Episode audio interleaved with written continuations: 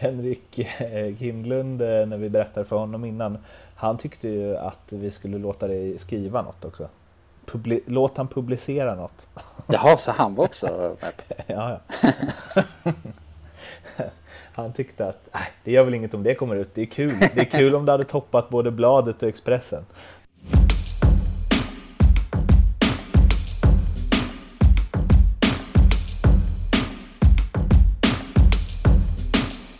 Fotboll Stockholms podcast är detta. Mårten Bergman heter jag. Det är avsnitt, uff, det här glömmer man alltid, men det är något runt 40 i alla fall. 48 kanske.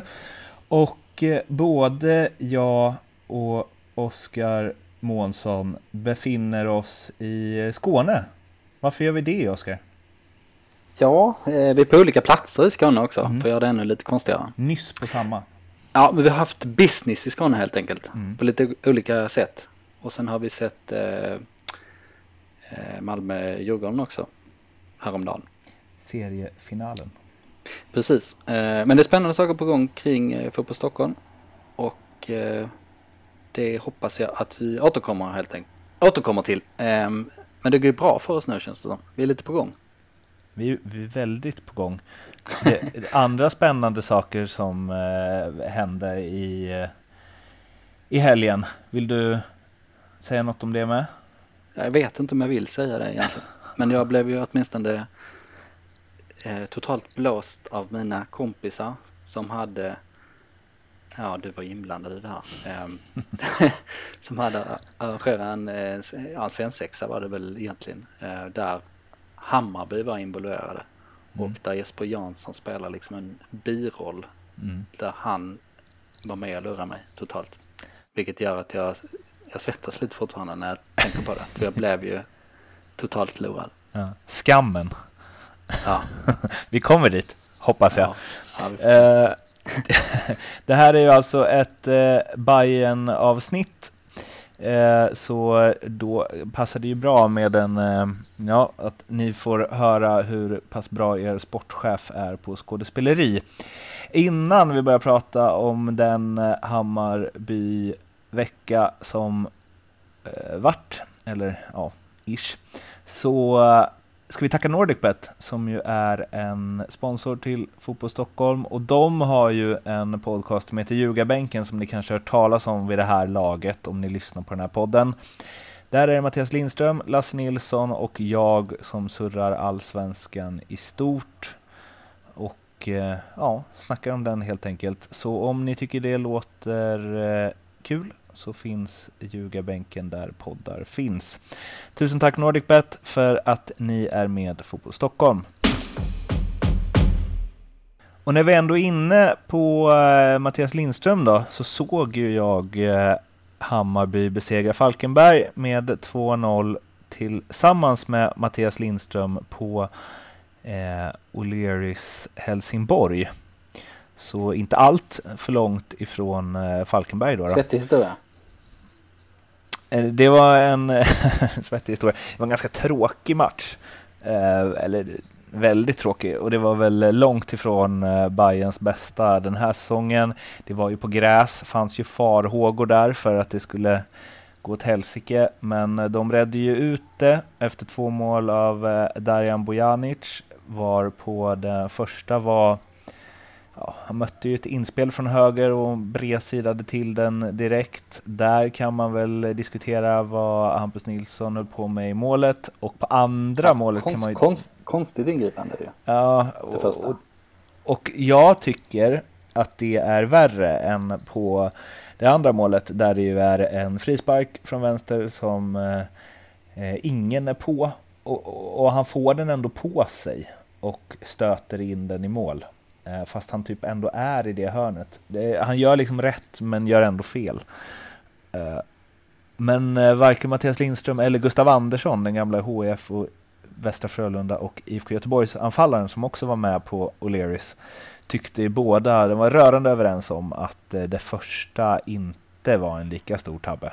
För att det går så himla fort där. Men jag tycker den ser jättebillig ut. Den går liksom mm. under honom. Ja, den gör ju det. Men visst, den ändrar ju riktning och man, han är på väg att slänga sig. Så. Men eh, det är två billiga mål som eh, Hammarby får helt enkelt. Och, och det gör ju att, att segern blir, eh, ja, det är lugnt liksom. Det är klart de kommer ta de där tre poängen och, och Falkenberg mycket skador och sådär så att tack vare de lite enklare målen så kändes det som att Hammarby behövde inte anstränga sig eller göra någon topprestation för att ta en, en ny trea och positionera sig verkligen som man gör nu. Och alltså nu är Hampus Nilsson kanske den trevligaste människan i världen och så himla snäll och allt sånt men Alltså att, så att jag typ mådde dåligt när Simor slängde ihop en jävla compilation på alla hans misstag i allsvenskan i fjol, i eller i år, i pausen. Vilket ju verkligen var att hoppa på den som redan ligger. Eh, men det är nästan som att bollen brinner när den kommer mot hans händer ibland. Mm. Ja, det var ju några mer knepiga ingripanden där. Mm. Men jag håller med dig om att det där lät ju taskigt att göra. Då skulle de ju istället klippt ihop eh, Bojanic eh, finaste stunder under den här säsongen istället. Mm. För det hade blivit en eh, bra compilation också. Fokusera på det positiva. Mm. För... Ja, han, han är ju en compilation-kompatibel spelare. ja, det är han verkligen. Eh, alltså, det finns ju några sådana spelare som blir extremt bra om man klipper bort ja, allt dåligt de gör. Eh, för att deras toppar är så sjukt höga. Men nu har ju han, så var väl han innan. Men nu har han ju blivit någon där det inte finns så himla mycket att klippa bort ens. Nej, det är sant. Det är klart att han saknar ju Eh, det är klart att han är inte toppklass liksom i löpkapacitet eller eh, defensivt jobb, även om det ser helt okej okay ut nu också. Ehm, och han är inte så explosiv såklart och sådär, men så, menar, det är klart att han har svagheter fortsatt. Men, men jag håller med om det där att han faller ju inte igenom i några perioder i matcherna. Och han känns ju som en färdig spelare nu. Har, så har det ju verkligen inte varit. Um, och vi snackar ju lite det och, och nu inför podden att att han påminner ganska mycket om Labinot Harbutsi. Mm. Eh, när han var som bäst i Turkiet och i Malmö. Att eh, han har ett tempo som inte är det högsta men han har också en spelintelligens som är bättre än alla andra i serien. Ganska mycket bättre också skulle jag säga. Att eh, den är ju verkligen liksom på, ja, den är ju eh, i, i topp i landet helt enkelt. Och när det flyter på sådana spelare så är det ju alltid härligt att titta på.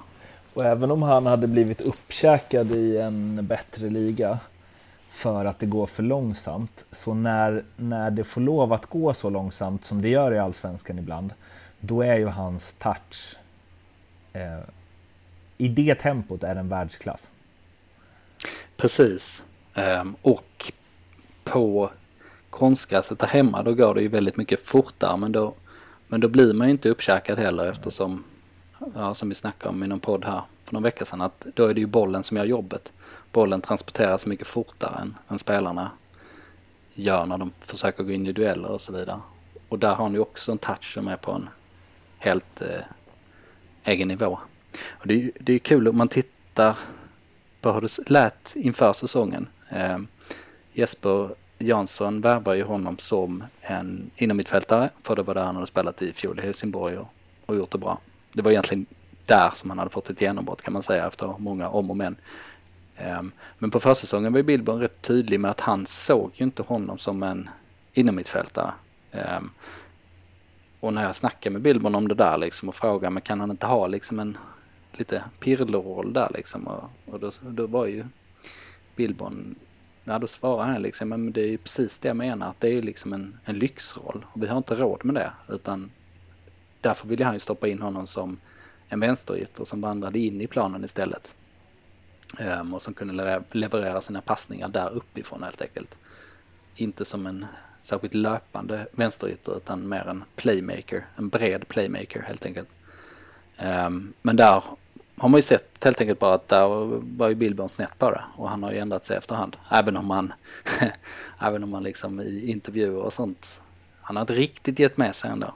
Men uh, nu borde han nog bara kapitulera känns det som. Även, även i de lägena. Men var det så på, alltså det var väl ingen konstig tanke egentligen? Med tanke på eh, vad Bojanic pres, presterat tidigare på allsvensk nivå. Nej, precis. Och sen så Um, ja, å ena sidan kan man ju se Bojanic säsong att han blivit bättre hela tiden och har varit uh, ja, fantastisk att se nu hela sommaren. Men Hammarbys svaghet är ju fortsatt det defensiva mittfältet. Att uh, det hade ju sett annorlunda ut om, om Junior hade spelat bredvid eller bakom Jeppe Andersson såklart. Så det är ju liksom, det är ju give or take på den. Så eh, visst kan man förstå det. Men jag tror Bilbon har blivit överraskad av eh, kvaliteten som eh, Bojanic trots allt har. Um, och som sagt löst liksom det defensiva arbetet eh, helt okej okay ändå liksom samtidigt. Oskar, du eh, i AIK poddarna så började du med att läsa lite ur Bernt Husklers eh, själv Eh, biografi. Du gillar ju högläsning och nu vill du införa det momentet även i det segmentet, i, även i eh, Bajen-podden. Inte mm. från den biografin då, då, men att du vill ha högläsning. Mm. Ja, men jag är fascinerad av Bojanic, som du, som du märker. Eller det är ju du också såklart. Mm. det är en unik typ. Jag var hemma hos honom i, i när han spelade i Östersund förresten. Jaså? Han öppnade i Alltså jag, jag, kanske var där vid två eller något på tidig eftermiddag. Men hans uppsyn var ju att han precis hade vaknat och lägenheten var en sån lägenhet. Tänk dig att det, alltså direkt när man kommer in i hallen så känner man att här görs det inte många knop. det var liksom Nej. inte stökigt, det var bara inte det var bara inte jag vet inte. Det hade en väldig, det spelas Fifa-aura. Eh, vilket det ju absolut gjorde också. Kontrollen låg ju, spelet var pausat när jag kom. För att ja. han skulle göra eh, en poddintervju. Men han var ju väldigt så, ja jag vet inte. Det såg mer ut som hemma hos ett nyblivet 15-årigt ungdomsproffs än hos en ung eh, man som eh, bor i Östersund. Mm. Ja men så, så ska det se ut. Det stämmer ju liksom. B bilden av Bojanic är ju precis den. Mm, exakt. Men eh, förlåt, jag ska inte störa i din högläsning. Ja just det. Eh, nej men det här är ju, han slog igenom i Öster som folk eh, kanske känner till. Och när han var eh, 18 år eller möjligtvis 17, 18 tror jag, så var Kvällspostens eh, Mattias Larsson, eh, vår eh, kompis, i, eh, i Växjö och tittade på en försäsongsmatch. Och då skrev han en krönika om Bojanic och han var liksom helt tagen över den här spelaren. Ehm, och då var det en lång beskrivning om vad han eh, kunde som handlar om blicken och passningsspelet, tekniken, kreativiteten och, och, och lite allt möjligt. Och den eh, avslutade så här, den här krönikan. Eh, för alla älskar vi en lirare och Bojanic som bär spår av Mesut Özil och Luka Modric i sin spelstil är av just det slaget. Jag säger inte att han kommer bli en allsvensk stjärna 2013, men jag satt i tipshallen igår bredvid Smålandspostens legendariska reporter Sven Elofsson och i andra halvlek lutade sig Elofsson mot mig och sa Tänk Mattias, en dag kan vi sitta här någonstans och säga att vi såg Darijan Bojanic i den här matchen och såg vad som skulle komma det var inte utan att jag höll med. Mm. Ska jag ta ner Mattias Larssons stora ord? Du får reagera precis som du vill. Okej, okay. jag satt nämligen bredvid honom i Bradenton när Malmö hade sitt eh, träningsläger där för eh, ett år sedan, är det väl, eller ett och ett halvt. Då sa han ju att Carlos Strandberg är det största råämne som MFF fått fram sedan Zlatan. Ja, okej. Okay. Så du menar att hans talangnäsa inte alltid sniffar, sniffar rätt? Kan man säga så? Det känns konstigt att säga det nu. Alltså jag hade önskat att jag hade liksom fått möjlighet att droppa det här innan Carlos Strandberg gjort typ två hattrick på två veckor. Mm. Eh, men eh, jag, jag ifrågasatte de stora orden. För jag tänkte att Malmö har väl fan haft bra spelare sen Zlatan dagar. Men eh, just i råämne, jag vet inte. Ja, kanske. Men det beror ju på om huvudet in är ett råämne också. Precis, och det är ju lite samma sak med Bojanic mm. där. Alltså detta sätter ju fingret på det. Att man ser den här 18-åringen och tänker att det här liknar ingenting liksom. Vad, vad det gäller den här genialiteten. Och sen är det uppenbart att Bojanic inte har haft rätt inställning till eh, saker och ting efter det. Mm. Um, å andra sidan verkar han ju rätt tillfreds med tillvaron. Det vill säga att ja, hade han liksom eh, gjort allting rätt sen dess då hade han förmodligen varit landslagsman vid det här laget liksom. Men han verkar ju trivas väldigt bra där han är just nu och mm. eh, njuter av fotbollen och så vidare. Så eh, det, kan, det kanske bara är rätt nivå liksom att han får glänsa där och, och eh, må fint i Bayern. Mm.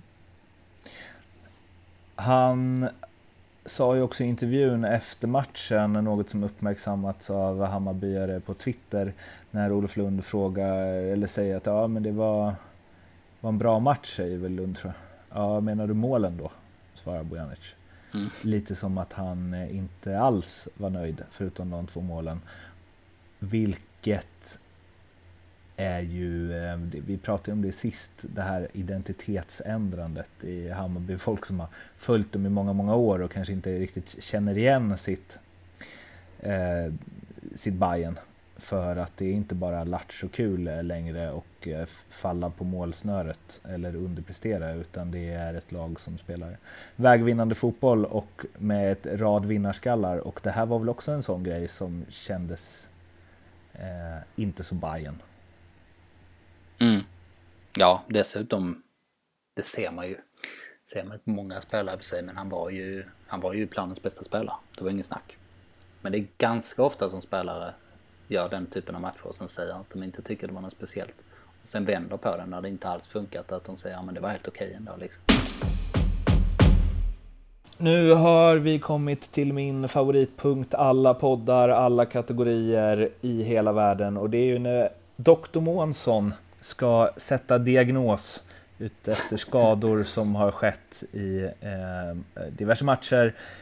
Alexander Kacaniklic föll ihop, tog sig för baksida lår slutet av första halvlek och vinkade direkt mot bänken att här ska båren in. Det var ingen snack om att han skulle bytas ut.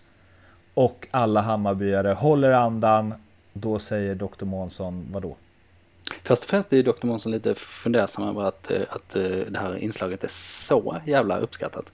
Av mig? Men, eh, ja, att jag gissar lite. Men visst. Eh, nej men det är två veckor på den va? alltså, lite roligt för jag pratade ju om det här i ljugarbänken med Lindström och Lasse tidigare. Och eh, Båda var ju, sa ju det, ah, den är nog inte så allvarlig. Han är, han är definitivt tillbaka efter landslagsuppehållet. Mm. Medan jag tänkte så här, om han ändå tar där direkt och vinkar direkt så känner han ju att något har hänt. Men det kanske, om det är allvarligare kanske det gör mycket ondare. Ja, precis. Um, Lätt bristning. Det, ja, det, men det kan ju vara att han var smartare helt enkelt. För när man får en sån liten bristning så brukar det ju kunna bli något mycket allvarligare sen. Liksom en liten muskelskada blir stor om man springer vidare. Det är ju rätt klassiskt. Um, så Dr. Månsson känner att han tog rätt beslut där. Um, och då är det ju missa nästa match. Norrköping borta. Vilket är ett avbräck i sig. Men sen har man ju det här uppehållet på två, två veckor fram till eh, Göteborg hemma. Så uh, ja, min magkänsla säger att uh, den är nog inom räckhåll ändå. Viktigt för Bayern att inte han gick sönder. Får man ju säga. Ja, verkligen. Och för, att, eh... och för honom. Efter allt jävla tjafs som varit. Ja, visst. Och det är ju en... Eh... Ja, av, av dem där framme så är det ju tre stycken som håller toppklass. Och eh, Aron Johansson är ju inte där än. Och sen så är det ju eh, Kalili som man kan alternera med. Och han är, men han är ju mer liksom han är en jäkla bra komplementspelare men han har ju inte den eh, kvaliteten som Kasaniklic har, liksom göra saker på e-, egen hand, liksom bryta mönster utan mer Kasaniklic, eller Khalili den man kombinerar med och som lyfter de andra mer kanske. Det var det för Dr. Månsson den här veckan. Mm. Jag eh, ligger i en hotellsäng i eh, Malmö nu och eh, här vann ju Djurgården eh, för ett par dagar sedan Eh, och tog serietopp. Vet du vad det är? Det vet du för jag skickade ju den länken till dig. Ah, ja. Men du kan ju låtsas som att du inte vet. Vad är chansen i procent att Djurgården vinner SM-guld? Eh, jag har inte öppnat länken faktiskt. Nej, fan vad spännande. Gör inte det då. Ja, nej, nej men den är ju hög nu alltså efter den här segern. Eh, den måste ju vara liksom 65 procent eller något. Kanske mer. Du har inte öppnat? Nej. Nej, 66. Alright.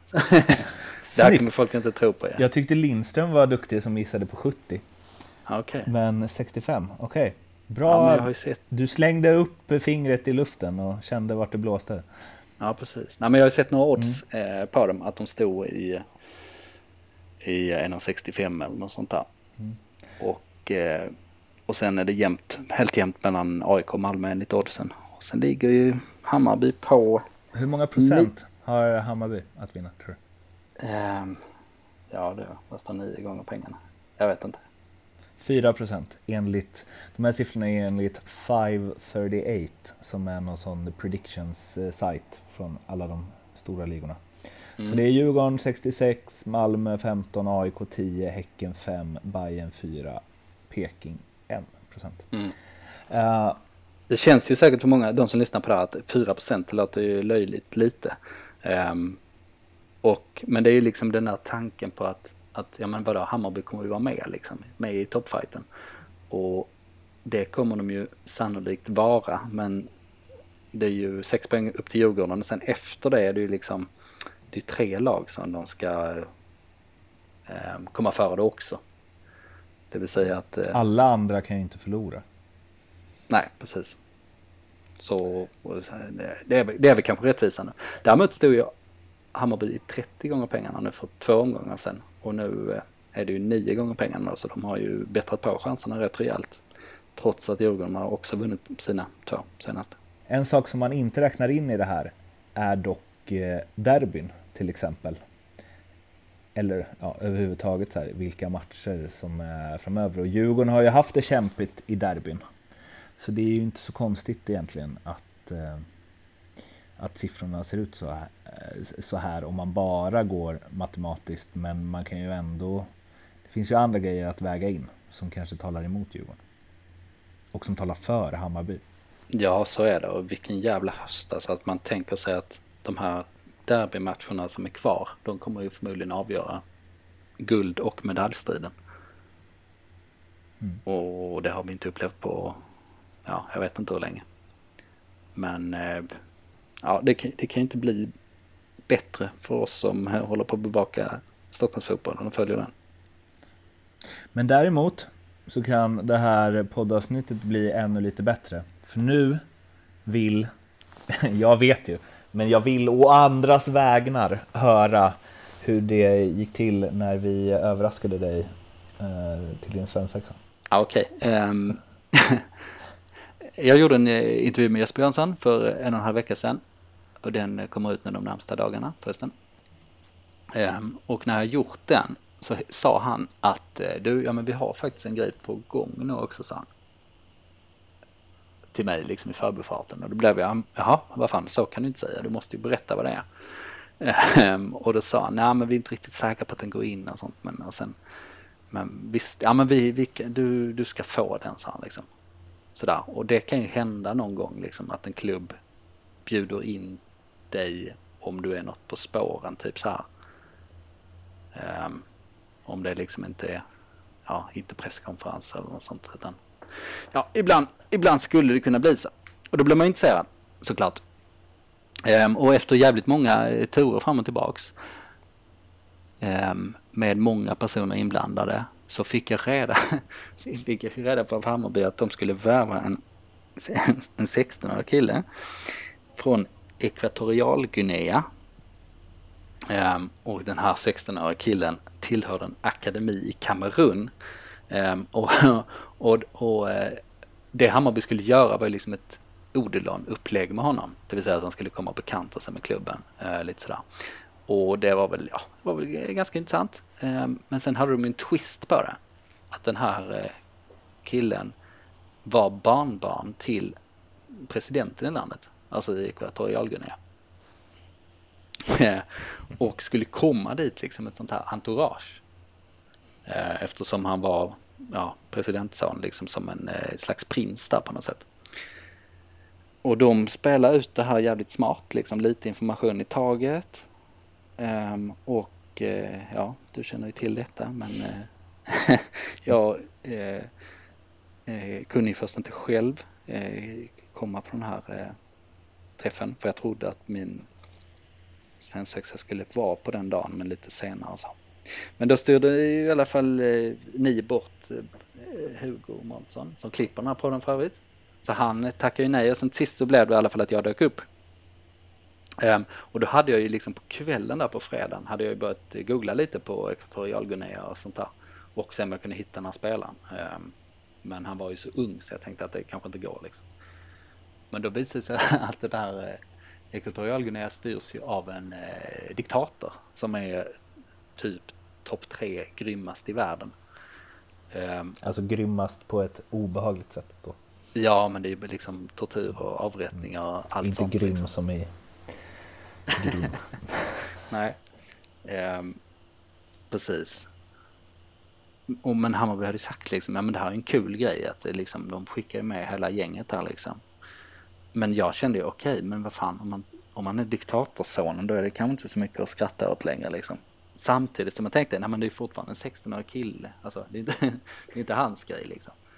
Uh, ja, så jag hade de där tankarna i huvudet.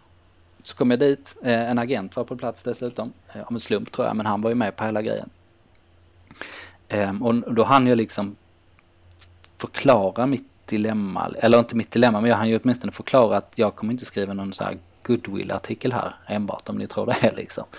Ehm, och eh, Jespers ja, spelade med och sa ja, nej men det är ju, det är ju en ung kille liksom och och eh, en bra, bra spelare som Micke, Micke Hjelmberg varit och sett vid flera tillfällen och sånt där.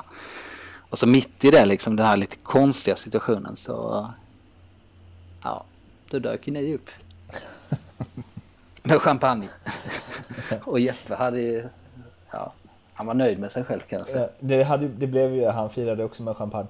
Det blev ja. ju inte så, eh, vi, sa, vi såg ju inte att du kom. Men vi skrev att han skulle skicka ett sms till oss när du dök upp, men det gjorde han inte. Men eh, när ni hade suttit där ett tag så skickade han ju Han har varit här i tio minuter, jag kan inte hålla det här länge till. Skynda er. uh, så uh, ja, men jag tänker att så här, det är bra. Jag var inte så orolig för han känns som en sån som grejar det. Alla sportchefer i 08-lagen tycker jag känns som att de kan blåsa en. Alltså de är bra ja. på att hålla masken. Verkligen. Men att, och, sen, eh, och sen var det ju, alltså det var ju de som hade diktat upp hela den här historien själva ja. Ja, vi hade ju inte gett den till Jesper. Utan han Nej. hade ju liksom hittat på. På ja. uppstuds. Så de hade ju byggt en historia som jag skulle nappa på. Mm. Um, så, uh, Hur känner du nu i efterhand för att du nappade på det? Ja men om man blir blåst, särskilt när man, särskilt när man där kommer dit som är ska vara så här superkorrekt liksom och allvarlig.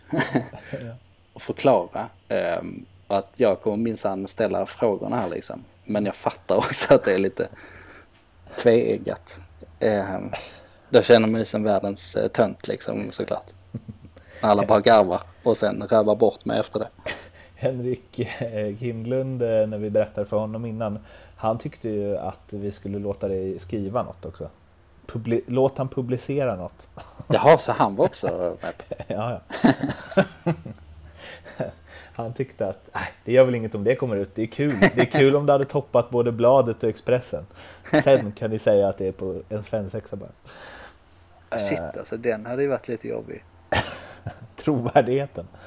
Eh, men också roligt. Fan vad jag hade applåderat om några hade blåst en journalist så pass mycket så att den skrev så att det toppar riksmedia och sen är det bara en svensexa. Ja. Ändå kul. Framförallt när jag är bortdrabbad liksom ute i skogen i Huddinge någonstans liksom. Och sen och då toppar det liksom Aftonbladet Expressen. Och jag kan liksom inte göra något åt det. Ja, det blir eh, Gud förbjude men om du gifter dig en, en mer gång så kanske det blir det det blir.